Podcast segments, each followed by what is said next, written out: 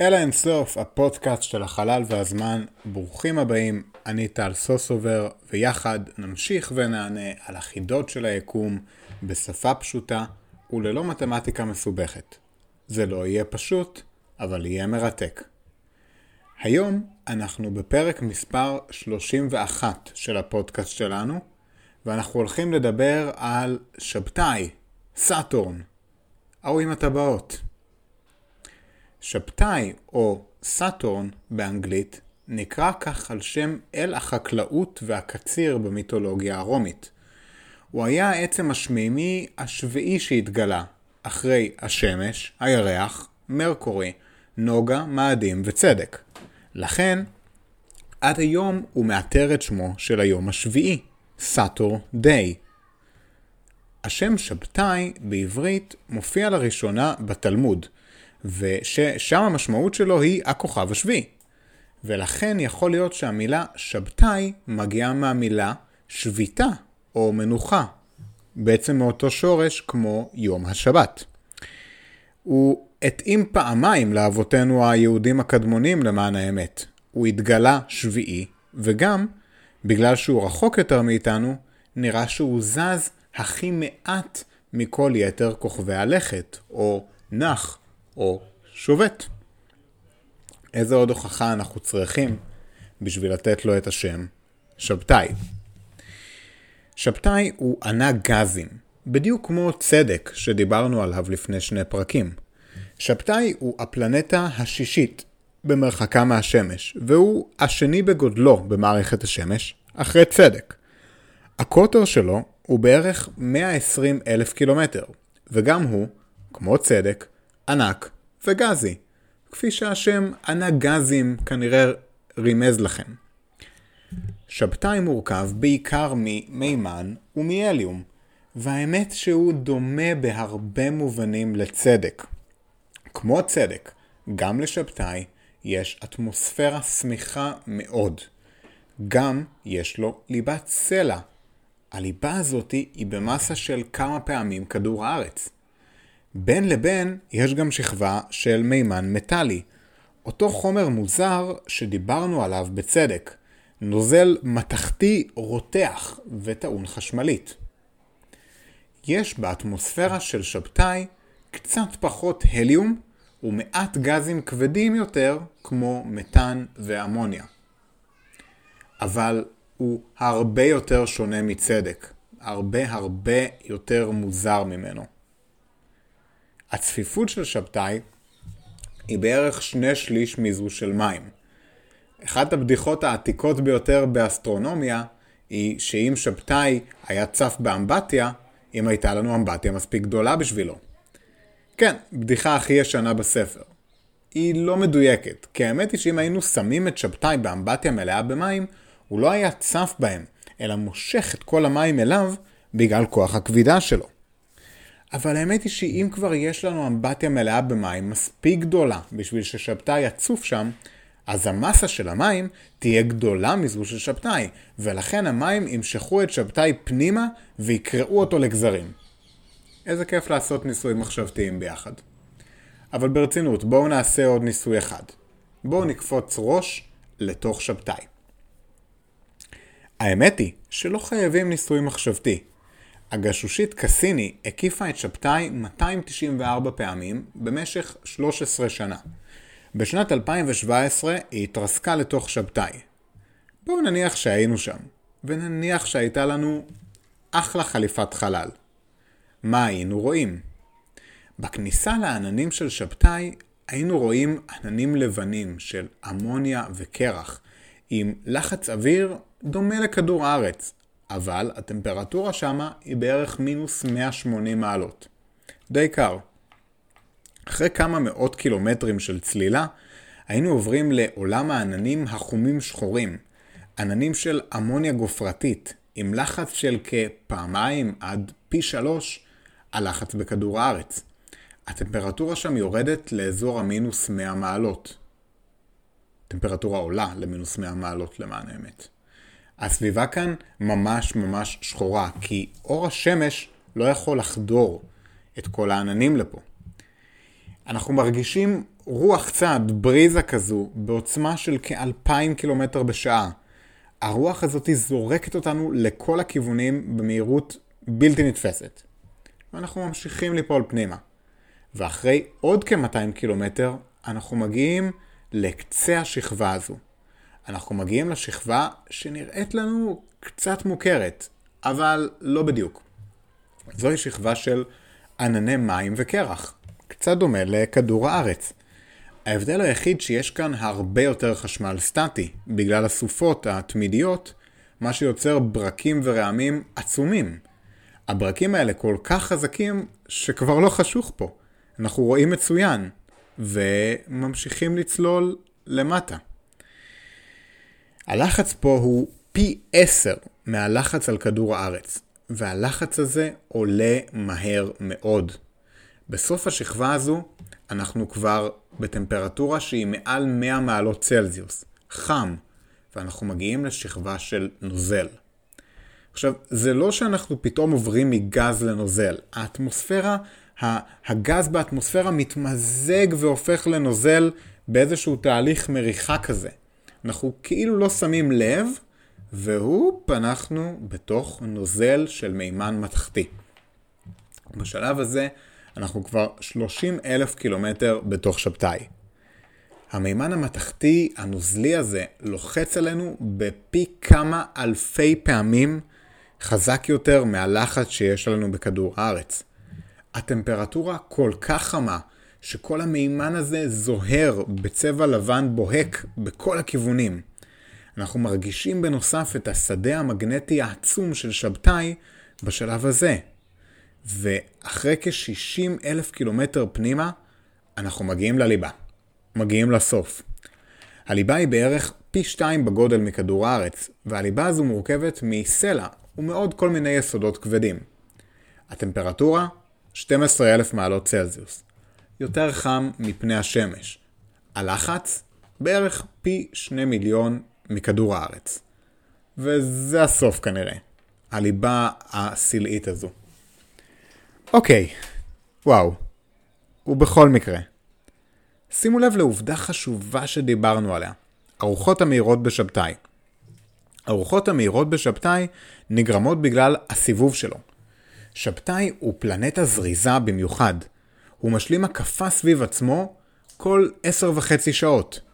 הוא הרבה יותר שמנמן בקו המשווה שלו כתוצאה מהכוח הצנטריפוגלי שפועל שם. וממש אפשר לראות את זה עם טלסקופ.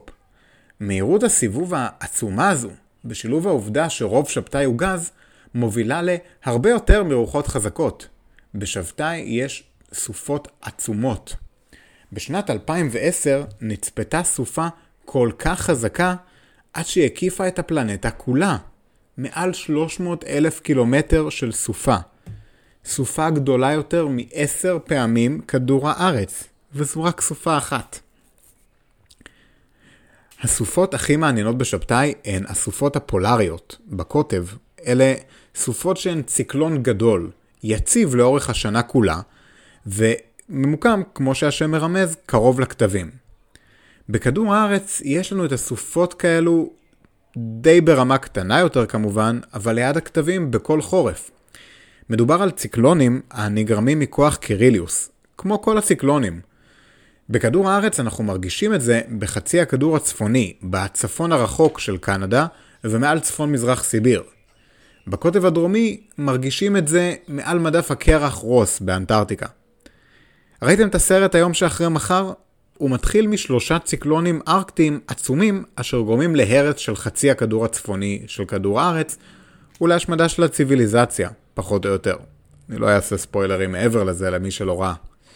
אבל עם כל הכבוד לסופות הנוראיות האלו, בקוטב הדרומי של שבתאי קיימת מערבולת פולארית בצורת משושה, אגב, יציבה וחמה מאוד. המופע היחיד של מערבולת כזו במערכת השמש כולה. כשאני אומר חמה, בואו ניקח את זה בערבון מוגבל. הטמפרטורה הממוצעת באטמוספירה של שבתאי היא מינוס 180-185 מעלות בערך. במערבולת הטמפרטורה כל כך חמה שהיא מגיעה למינוס 122 מעלות. זוהי הנקודה החמה ביותר באטמוספירה של שבתאי. זה חם יחסית, אבל זה עדיין קר במונחים שלנו. הגודל של המערבולת הזו יותר גדול מכדור הארץ. זה מטורף. שבתאי הוא כנראה הכוכב שיש בו הכי הרבה סופות מטורפות בכל מערכת השמש. וזה מדהים כמה זה יותר גדול, בכמה סדרי גודל מהסופות המדהימות ביותר שיש לנו בכדור הארץ. טוב, בסדר, מספיק. אני יודע מה אתם אומרים לעצמכם. שאתם חושבים על שבתאי, ושאני חושב על שבתאי, אנחנו חושבים על הטבעות שלו. הטבעות זה מה שמעניין אותנו. הטבעות זה מה שקנה לשבתאי את המקום שלו בין כוכבי הלכת. האמת היא שהטבעות האלו נצפו על ידי גלילאו, אבל רק אחרי כמה עשרות שנים הצליחו לזהות אותן כטבעות נפרדות מהפלנטה עצמה. עכשיו, הרבה חושבים שהטבעות האלו הן מוצקות ומקיפות את שבתאי. אפילו כילד חשבתי איך זה יהיה לשבת שם ולהסתכל על היקום. אבל אם חושבים על זה רגע, זה לא הגיוני. אם הטבעות האלה היו מוצק, הן היו נשברות, כתוצאה מכך שהחלק החיצוני של הטבעת מסתובב לאט יותר מהחלק הפנימי שלה. האמת היא שהטבעות האלה מורכבות ממיליארדי חתיכות של קרח מים ואבק. כל חתיכה קפואה כזו מקיפה את שבתאי בכוחות עצמה. אבל אם נסתכל מרחוק על כולן ביחד, אנחנו רואים טבעות חלקות. קצת כמו פיקסלים של טלוויזיה, שמרחוק נראות כמו תמונה, ומקרוב נראות כמו פיקסלים. הטבעות של שבתאי עצומות. בערך בגודל של 250 אלף קילומטר. זה כמעט כל הדרך מכדור הארץ לירח. מה שבאמת מדהים הוא כמה הטבעות האלו דקות. הן ברוחב של עשרה מטרים בממוצע. שמעתם אותי נכון, לא עשר אלף קילומטר, לא עשרה קילומטרים, עשרה מטרים בגובה של בניין נמוך. זה הכל. לעומת כמה שהטבעות האלו רחבות, הן דקות הרבה יותר מכפי שדף נייר הוא דק. דף נייר ארוך בערך פי 2280 מכמה שהוא עבה. הטבעות של שבתאי ארוכות בערך פי 25 מיליון מכמה שהן עבות. זה כמו לקחת דף נייר, שבמקום שהוא יהיה באורך של דף נייר, הוא יהיה באורך 250 קילומטר. דף נייר מטורף לגמרי. זה עד כמה שהטבעות של שבתאי דקות. אבל למה? קשה לדעת מאיפה הן הגיעו. ואחת הסברות הן שהטבעות של שבתאי היו פעם ירח שנקרע על ידי כוח הכבידה של שבתאי. החלק הפנימי של הירח נפל לכיוון שבתאי, וכל האטמוספירה והקרח שהיו שם נמרחו לאורך קו המשווה של שבתאי. יש גם סברות אחרות. אה, והאמת היא שאנחנו לא בדיוק יודעים מה קרה, ויש לזה המון מחקר, אבל בכל מקרה, הטבעות האלה מסודרות אצלנו בסדרות, מ-A עד ל-F. והן הטבעות שמקיפות את שבתאי לפי הסדר D, C, B, A, F. כמובן, כמובן שזה יהיה הסדר. הן קיבלו את האותיות לפי הסדר שבו הן התגלו, לא לפי הסדר שהן נמצאות אה, קרוב לשבתאי. A היא הכי, כמעט החיצונית ביותר, כי טבעת F שהיא חיצונית מ-A היא טבעת נורא נורא דקה. אבל היא שם. כשהטבעות התגלו, חשבו ש-A ו-B הן אותה טבעת, אבל האמת היא שיש עוד חלקיקים בתוכן. יש כל מיני חורים בטבעות, הן לא בדיוק חלקות. לרוב, הטבעות האלו קצת אה, חורים ומתמזגות ונעלמות, זה לא בדיוק clear cut. נראה שטבעת F נשמרת דקה בגלל שני ירחים שמקיפים אותה, פרימטיאס ופנדורה. הם מקיפים את הטבעת F מבחוץ ומבפנים, ולא נותנים לטבעת להתרחב. האמת היא שזה אפילו יותר מטורף. כאשר הירחים נכנסים לתוך הטבעות, הם גורמים לגלים בטבעות, שיכולים להגיע לגובה של כמה קילומטרים. דמיינו לכם את הטבעות האלה עם מיליארדי החלקיקים, ועכשיו דמיינו ירח נכנס פנימה, ומהגל שכוח הכבידה שלו יוצר, כל הטבעות רוקדות אחת אחרי השנייה, כמו מיליארדי אוהדים באיצטדיון כדורגל. תודו שלא חשבתם שאתם הולכים לשמוע היום על גלים בטבעות של שבתאי. אבל זה שם. אוקיי, זה אפילו יותר מטורף. שבתאי הוא הגוף בעל הכי הרבה ירחים במערכת השמש. נכון שהירחים האלו לא גדולים ומרשימים כמו הירחים של צדק, שדיברנו עליהם, אבל היי, אנחנו לא שופטים. שבתאי הוא פלנטה מסיבית, רצינית ויפהפייה שלעצמה. קשה להגיד כמה ירחים יש לשבתאי. בכל זאת, כל גוש קרח קטנטן בטבעות יכול להיספר כירח. אבל נהוג לסמן כ-80 ירחים בערך כממש ירחים של שבתאי, מה שממקם אותו כפלנטה עם מספר הירחים הגדול ביותר. רבים מהם בגודל של כ-2-3 קילומטרים בלבד. אבל יש כמה ירחים מסיביים, ממש, שיש להם שיווי משקל עם עצמם, וחלקם אפילו עגולים. בואו נדבר עליהם קצת. יש המון ירחים. אני ממש לא הולך לזכור את כולם, אני גם לא מכיר את כולם. אני אזכור רק את אלה שמעניינים אותי, ובעיניי מעניין לדבר עליהם. הירח מימאס הוא ירח קרחי, שהוא לא היה מעניין במיוחד, אלמלא הייתה לו צלקת גדולה מפגיעת אסטרואיד כנראה, מה שהופך אותו להיות דומה בצורה חשודה, הייתי אומר, ל Death Star ממלחמת הכוכבים. באמת, תחפשו בגוגל מימאס, ש... מימאס סאטורן, משהו כזה, איזה צירוף, ותראו, זה מדהים. הירח הייפריון נראה כמו שונית אלמוגים, עם המון מערות ומקומות מסתור. הוא נראה ככה בגלל שפגעו בו המון אסטרואידים. היפריון שונה באופיו משאר הירחים, כי המסלול שלו הוא בעל אקצנטריות גבוהה. התצורה שלו היא לא כדור, הוא נמצא באיזושהי תעודה עם הירח טיטן. המסלול הזה הוא מסוג 3 ל-4, כלומר, כאשר טיטן מסיים 4 הקפות של שבתאי, היפריון מסיים בדיוק 3 הקפות של שבתאי. תצורת הסיבוב היא הופכת הירח לכאוטית, ככל הנראה כי פגעו בו המון אסטרואידים, ויש לו המון השפעות כבדתיות מהירחים האחרים, ולא רק משבתאי. אז הוא רוקד כל הזמן, במסלול כאוטי משהו. המסלול הזה, שאין לו סדר או יותר מדי יכולת ניבוי מראש, מוביל לכך שאיפיריון הוא אחד הירחים הבודדים במערכת השמש שפשוט אין לו סיבוב קבוע. הוא נראה כמו ספוג, מאוד לא צפוף, נראה כמו ספוג ומתנהג כמו איזה ספוג שעף ברוח שם לכל הכיוונים כתוצאה מכל כוחות הכבידה שמשפיעים עליו. עכשיו, יש עוד המון גושי קרח גדולים שמסתובבים סביב שבתאי, וקצת קשה להגיד מהו ירח ומהו סתם גוש קרח גדול.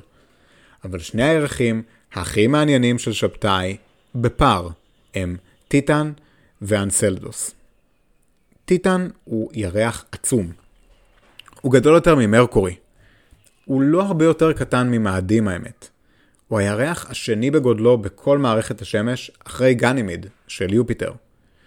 האמת היא שלטיטן יש אטמוספירה, וזה די מעניין. אמנם האטמוספירה שלו היא בעיקר חנקן ומתאן, אבל בכל זאת, אטמוספירה. לא אטמוספירה נעימה לנשימה, אבל אטמוספירה, וכבר אמרנו שאנחנו לא שופטים.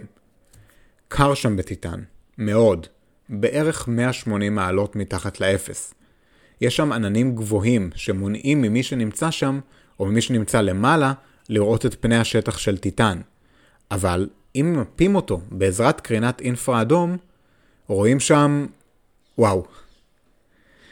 טיטן הוא ירח קר, הוא אפל והוא אפוף ערפל ואבק. בטיטן קיימים רבים מחומרי הגלם של החיים, כולל חנקן, פחמן ומים. במרחק של 1.4 מיליארד קילומטר מהשמש, מרבית המים בטיטן נעולים בקרח, כך שהגשם היורד במקומות שונים על פני הירח הוא ברובו גשם של מתאן, שזה המרכיב העיקרי בגז בישול שאתם משתמשים בו כדי להכין פסטה. המתאן משמש גם כמרכיב חשוב בתרכובות אורגניות אחרות. טיטן הולך ותופס לו מקום של כבוד ברשימת האתרים לחיפוש אחר חיים חוצניים במערכת השמש. למה? כי בדומה לירח של צדק, אירופה, לא הקדשנו פרק מיוחד, טיטן עשוי להסתיר בחובו, מתחת לשכבת הקרח שעל פניו, שכבה תת-קרחית של מים זורמים. כמובן שבטמפרטורות כאלו קרות, פני השטח קרים מדי למים נוזליים, שהם הדבר שדרושים לחיים כפי שאנחנו מכירים אותם. אבל אם נרד מתחת לפני השטח, ייתכן שמספיק חם שם כדי להעמיס את הקרח, ומדענים מצאו על טיטן מולקולות אורגניות פשוטות, אדומות לאלו של דלק לדוגמה. המולקולות האלו רחוקות מאוד מחיים, אבל הם צעד מאוד מעניין בכיוון. בטיטן יש ערי געש הפולטים מים. במקום לבה, הם פולטים מים. ערי געש קרים, קריו-וולקנוס. מדידה שלהם ושל השדה הכבידתי של טיטן הם ההוכחה לכך שכנראה שיש שם אוקיינוס תת-קרקעי. הטיטן אפילו יותר מעניין אותנו מאז שנת 2005. בשנת 2005 נחתה שם הגשושית הויגנס ושלחה צילומים. הצילומים האלה, וואו. פשוט תסתכלו על זה. זה נראה כמו מדבר עם המון ערים, ובעיקר יש שם אגמים ונהרות. האמת היא שזה פעם ראשונה שראינו נוזל כלשהו על גבי עצם כלשהו ביקום, למעט בכדור הארץ. אז איך זה שיש שם אגמים ונהרות? לא אמור להיות שם סופר קר? אז כן, אבל מתאן לא כופה בטמפרטורות האלו. האמת היא שיש שם ערוצי נחל, אה, חלוקי נחל, נהרות, מקווי אגמים, ימים, סלעים ש, שעברו אה, אה, ריכוך בגלל מחזורי המתאן האלו. המתאן מתאדה מהימים שם, עולה לאוויר כעננים, מתעבה, ומוריד גשם של מתאן. הגשם הזה נקבע למאגרים תת-קרקעיים שפורצים במעיינות וזורמים אל ימות המתאן בנחלים, וחוזר חלילה. זה ממש נראה כמו מחזור המים שלנו בכדור הארץ. ימות המתאן מרוכזות בעיקר בכתבים הקרים יותר, בהם מצב הצבירה הטבעי של המתאן הוא נוזל. האגמים האלו בטיטן מעניינים, כי אמנם לא מדובר על מים נוזליים, אבל זה נוזל, ויש שם מולקולות אורגניות. האם יכול להיות שנמצא שם חיים? מיזם שאפתני עתידי הוא צוללת לחקר האגמים בטיטן, או טיטן סאבמרין. מדובר על הצעה לשיגור של צוללת שתחקור את האגמים שם, כולל מיפוי של האוקיינוסים והבנה שלהם לעומק. הרעיון הוא להבין את האסטרוביולוגיה של העולם התת-ימי בטיטן, ולהבין איך מולקולות מורכבות משחקות בעומקים האלו, ומה בדיוק נוצר שם. מי יודע מה יש שם? זה נשמע מטורף. בואו נדבר על אנסלדוס. אנסלדוס הוא ירח קטן בהרבה. הוא בערך בגודל של 500 קילומטר. גם אנסלדוס מכוסה בקרח מים. שטח הפנים שלו מכיל הרבה סדקים. הוא מאוד מאוד מזכיר את אירופה של צדק. יש שם גייזרים של מים, בעיקר באזור הקוטב הדרומי, כמו באירופה. יש שם אגם מתחת לקרח, כמו באירופה. מיפוי הגשושית קסיני גילה שיש במים המתפרצים מהכתבים של אנסלדוס מולקולות אורגניות. האם יכול להיות שיש שם גם כן משהו הדומה לחיים? שוב, אנחנו לא יודעים. אני הייתי מהמר על אירופה, טיטן ואנסלדוס כמועמודים ראשוניים לחיים כלשהם מחוץ לכדור הארץ. ווואלה, שווה לבדוק. לפחות אם אתם בסביבה. אני רוצה שתשימו לב למשהו מוזר. אנחנו מדברים בפודקאסט כבר כמעט על כל מערכת השמש, וראינו שלושה עצמים עם סיכוי לא רע לחיים כלשהם. שלושתם עצמים על פלנטות רחוקות וקרות. שלושתם ירחים. הם נמצאים הרבה מעבר לאזור שכנראה היינו מחפשים בו חיים באופן טבעי. אם באמת נמצא על חלקם או על כולם משהו שמזכיר חיים, זה ישנה באופן רדיקלי את איך שאנחנו צריכים לחפש חיים ביקום. אולי דווקא אנחנו המוזרים. אולי אנחנו הצורת חיים המוזרה שחיה על האטמוספירה. אולי רוב החיים ביקום הם סוג של דגים, תמנונים וסרטנים החיים מתחת למים. מי יודע? מחקר האבולוציה של כדור הארץ מעלה שהחיים גם כאן התחילו במים, ולכן נשמע הגיוני לחפש חיים איפה שיש מים. אולי בכדור הארץ, המכיל יבשות ואוקיינוסים גם יחד, קרה משהו מוזר, יצאנו מהמים. הרי אם בכדור הארץ היה עוד קצת מים, לא הייתה עליו אדמה בכלל. היה רק אוקיינוס רחב, שהנקודה הכי רדודה שלו הייתה הרי ההימאליה. בכדור הארץ שכזה, שום דבר לא היה עולה מעל פני השטח של המים, כי לא היו פני שטח. אולי באמת האוקיינוסים האלו מתחת לקרח הם הנורמה. אולי הם הנפוצים ביקום. טוב, אנחנו באמת לא יודעים, אבל במערכת השמש אין ספק שיש המון ירחים, או לפחות לא מעט ירחים, עם מים נוזליים מתחת לשכבה של קרח. ויש רק מקום אחד עם מים נוזליים על פני השטח, אצלנו. אז אולי אנחנו המוזרים. אוקיי, בואו נדבר על הדבר האמיתי. אני חושב שאחד הדברים הכי מדהימים שיש באסטרונומיה ביתית, שאתם יכולים לעשות לכם או לילדים שלכם, הוא להסתכל על שבתאי בטלסקופ.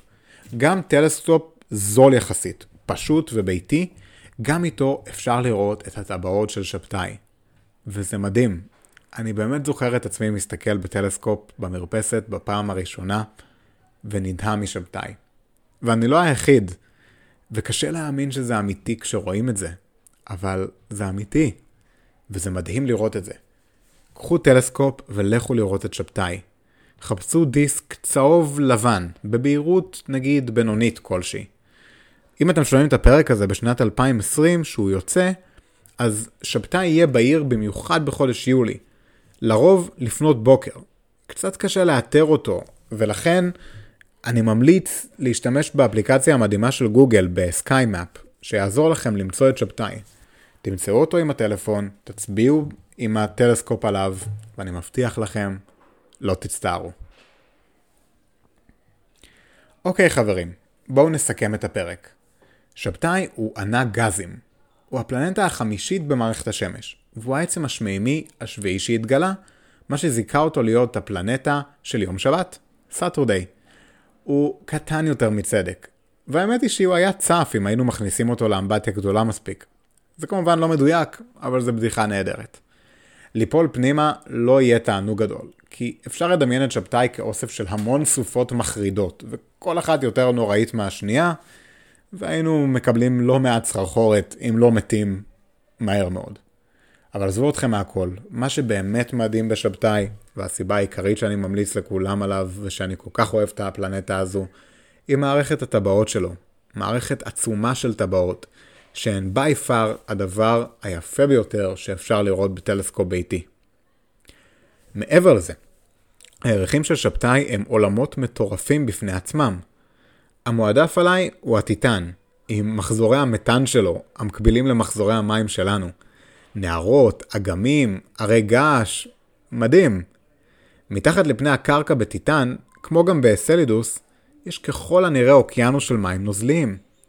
אם באמת יש באחד הירחים של שבתאי, או באירופה של צדק חיים, זה כנראה ישנה באופן מהותי את איך שאנחנו מחפשים חיים ותופסים חיים. ככה או ככה, בינתיים, ההמלצה הכי טובה שלי אליכם היא לקחת טלסקופ חובבני כלשהו, של מישהו, או לקנות אחד, ולהסתכל על שבתאי. אני מבטיח לכם, לא תצטערו על כך. לפעמים לכל המילים שאני אומר פה, או אפילו לתמונות באינטרנט, יש אפקט מוגבל. אפקט מסוים, אבל מוגבל. לראות בעיניים את הטבעות של שבתאי זו כנראה חוויה כל כך מיוחדת, שאין לי שום יכולת לתאר לכם אותה מספיק טוב כנראה. נסו וכתבו לי על זה. אני אשמח לשמוע. תודה רבה רבה לכם על ההקשבה. פודקאסט של אלה אינסוף, יוזמה שלנו להנגיש את חקר החלל, מערכת השמש, שבתאי, כל הדברים ביקום, לכולן ולכולם, ללא שום הבדל, לא מתמטיקה, לא גיל ולא ידע קודם. הסקרנות היא של כולנו. אני תמיד שמח לשמוע משוב ולקבל פידבק על הפרקים, וגם לקבל ולענות על שאלות שלכם. בנוד של הפרק תוכלו למצוא לינקים למאמרים, לקריאה נוספת, קרדיט למוזיקה ופרטים ליצירת קשר איתי. יש לנו עמוד פייסבוק בשם אלה אינסוף, מוזמנים לתת לנו לייק, להגיב, לשאול שאלות, אני תמיד שמח לענות. הפרק הזה, כמו יתר הפרקים האי-זוגיים בינתיים, הוא פרק העוסק בדברים קרובים אלינו יחסית ומקומיים, כמו שבתאי, מאדים, צדק. בפרקים זוגיים אנחנו מדברים על רעיונות גדולים בפיזיקה. יש לנו עוד כל כך הרבה מה לחקור, המון מה לדעת. הסקרנות לא יודעת גבולות וזה כל כך כיף להמשיך ובכל יום לגלות דברים חדשים על היקום שלנו. הפודקאסטים של אלה אינסוף זמינים חינם בכל ערוצי הפודקאסטים האהובים עליכם, אפל פודקאסט, גוגל פודקאסט, ספוטיפיי, בכל מקום בו אתם שומעים פודקאסטים. פרק כמו זה לוקח כמה עשרות שעות של עבודת מחקר, הכנה, הקלטה ועריכה, ואני נותן לכם את הפרקים האלו בחינם ובכיף, מתוך מטרה אישית שלי להביא את חקר היקום לכולם. אם אהבתם את הפרק הזה, שתפו אותו בבקשה עם אנשים שאתם פוגשים בימי שבת. שתפו אותו עם אסטרונומים חובבים. שתפו אותו עם אנשים שאוהבים דברים יפים, שאוהבים תמונות מדהימות. ועד הפעם הבאה, ושוב, תודה רבה רבה לכם על ההקשבה. שלכם, טל.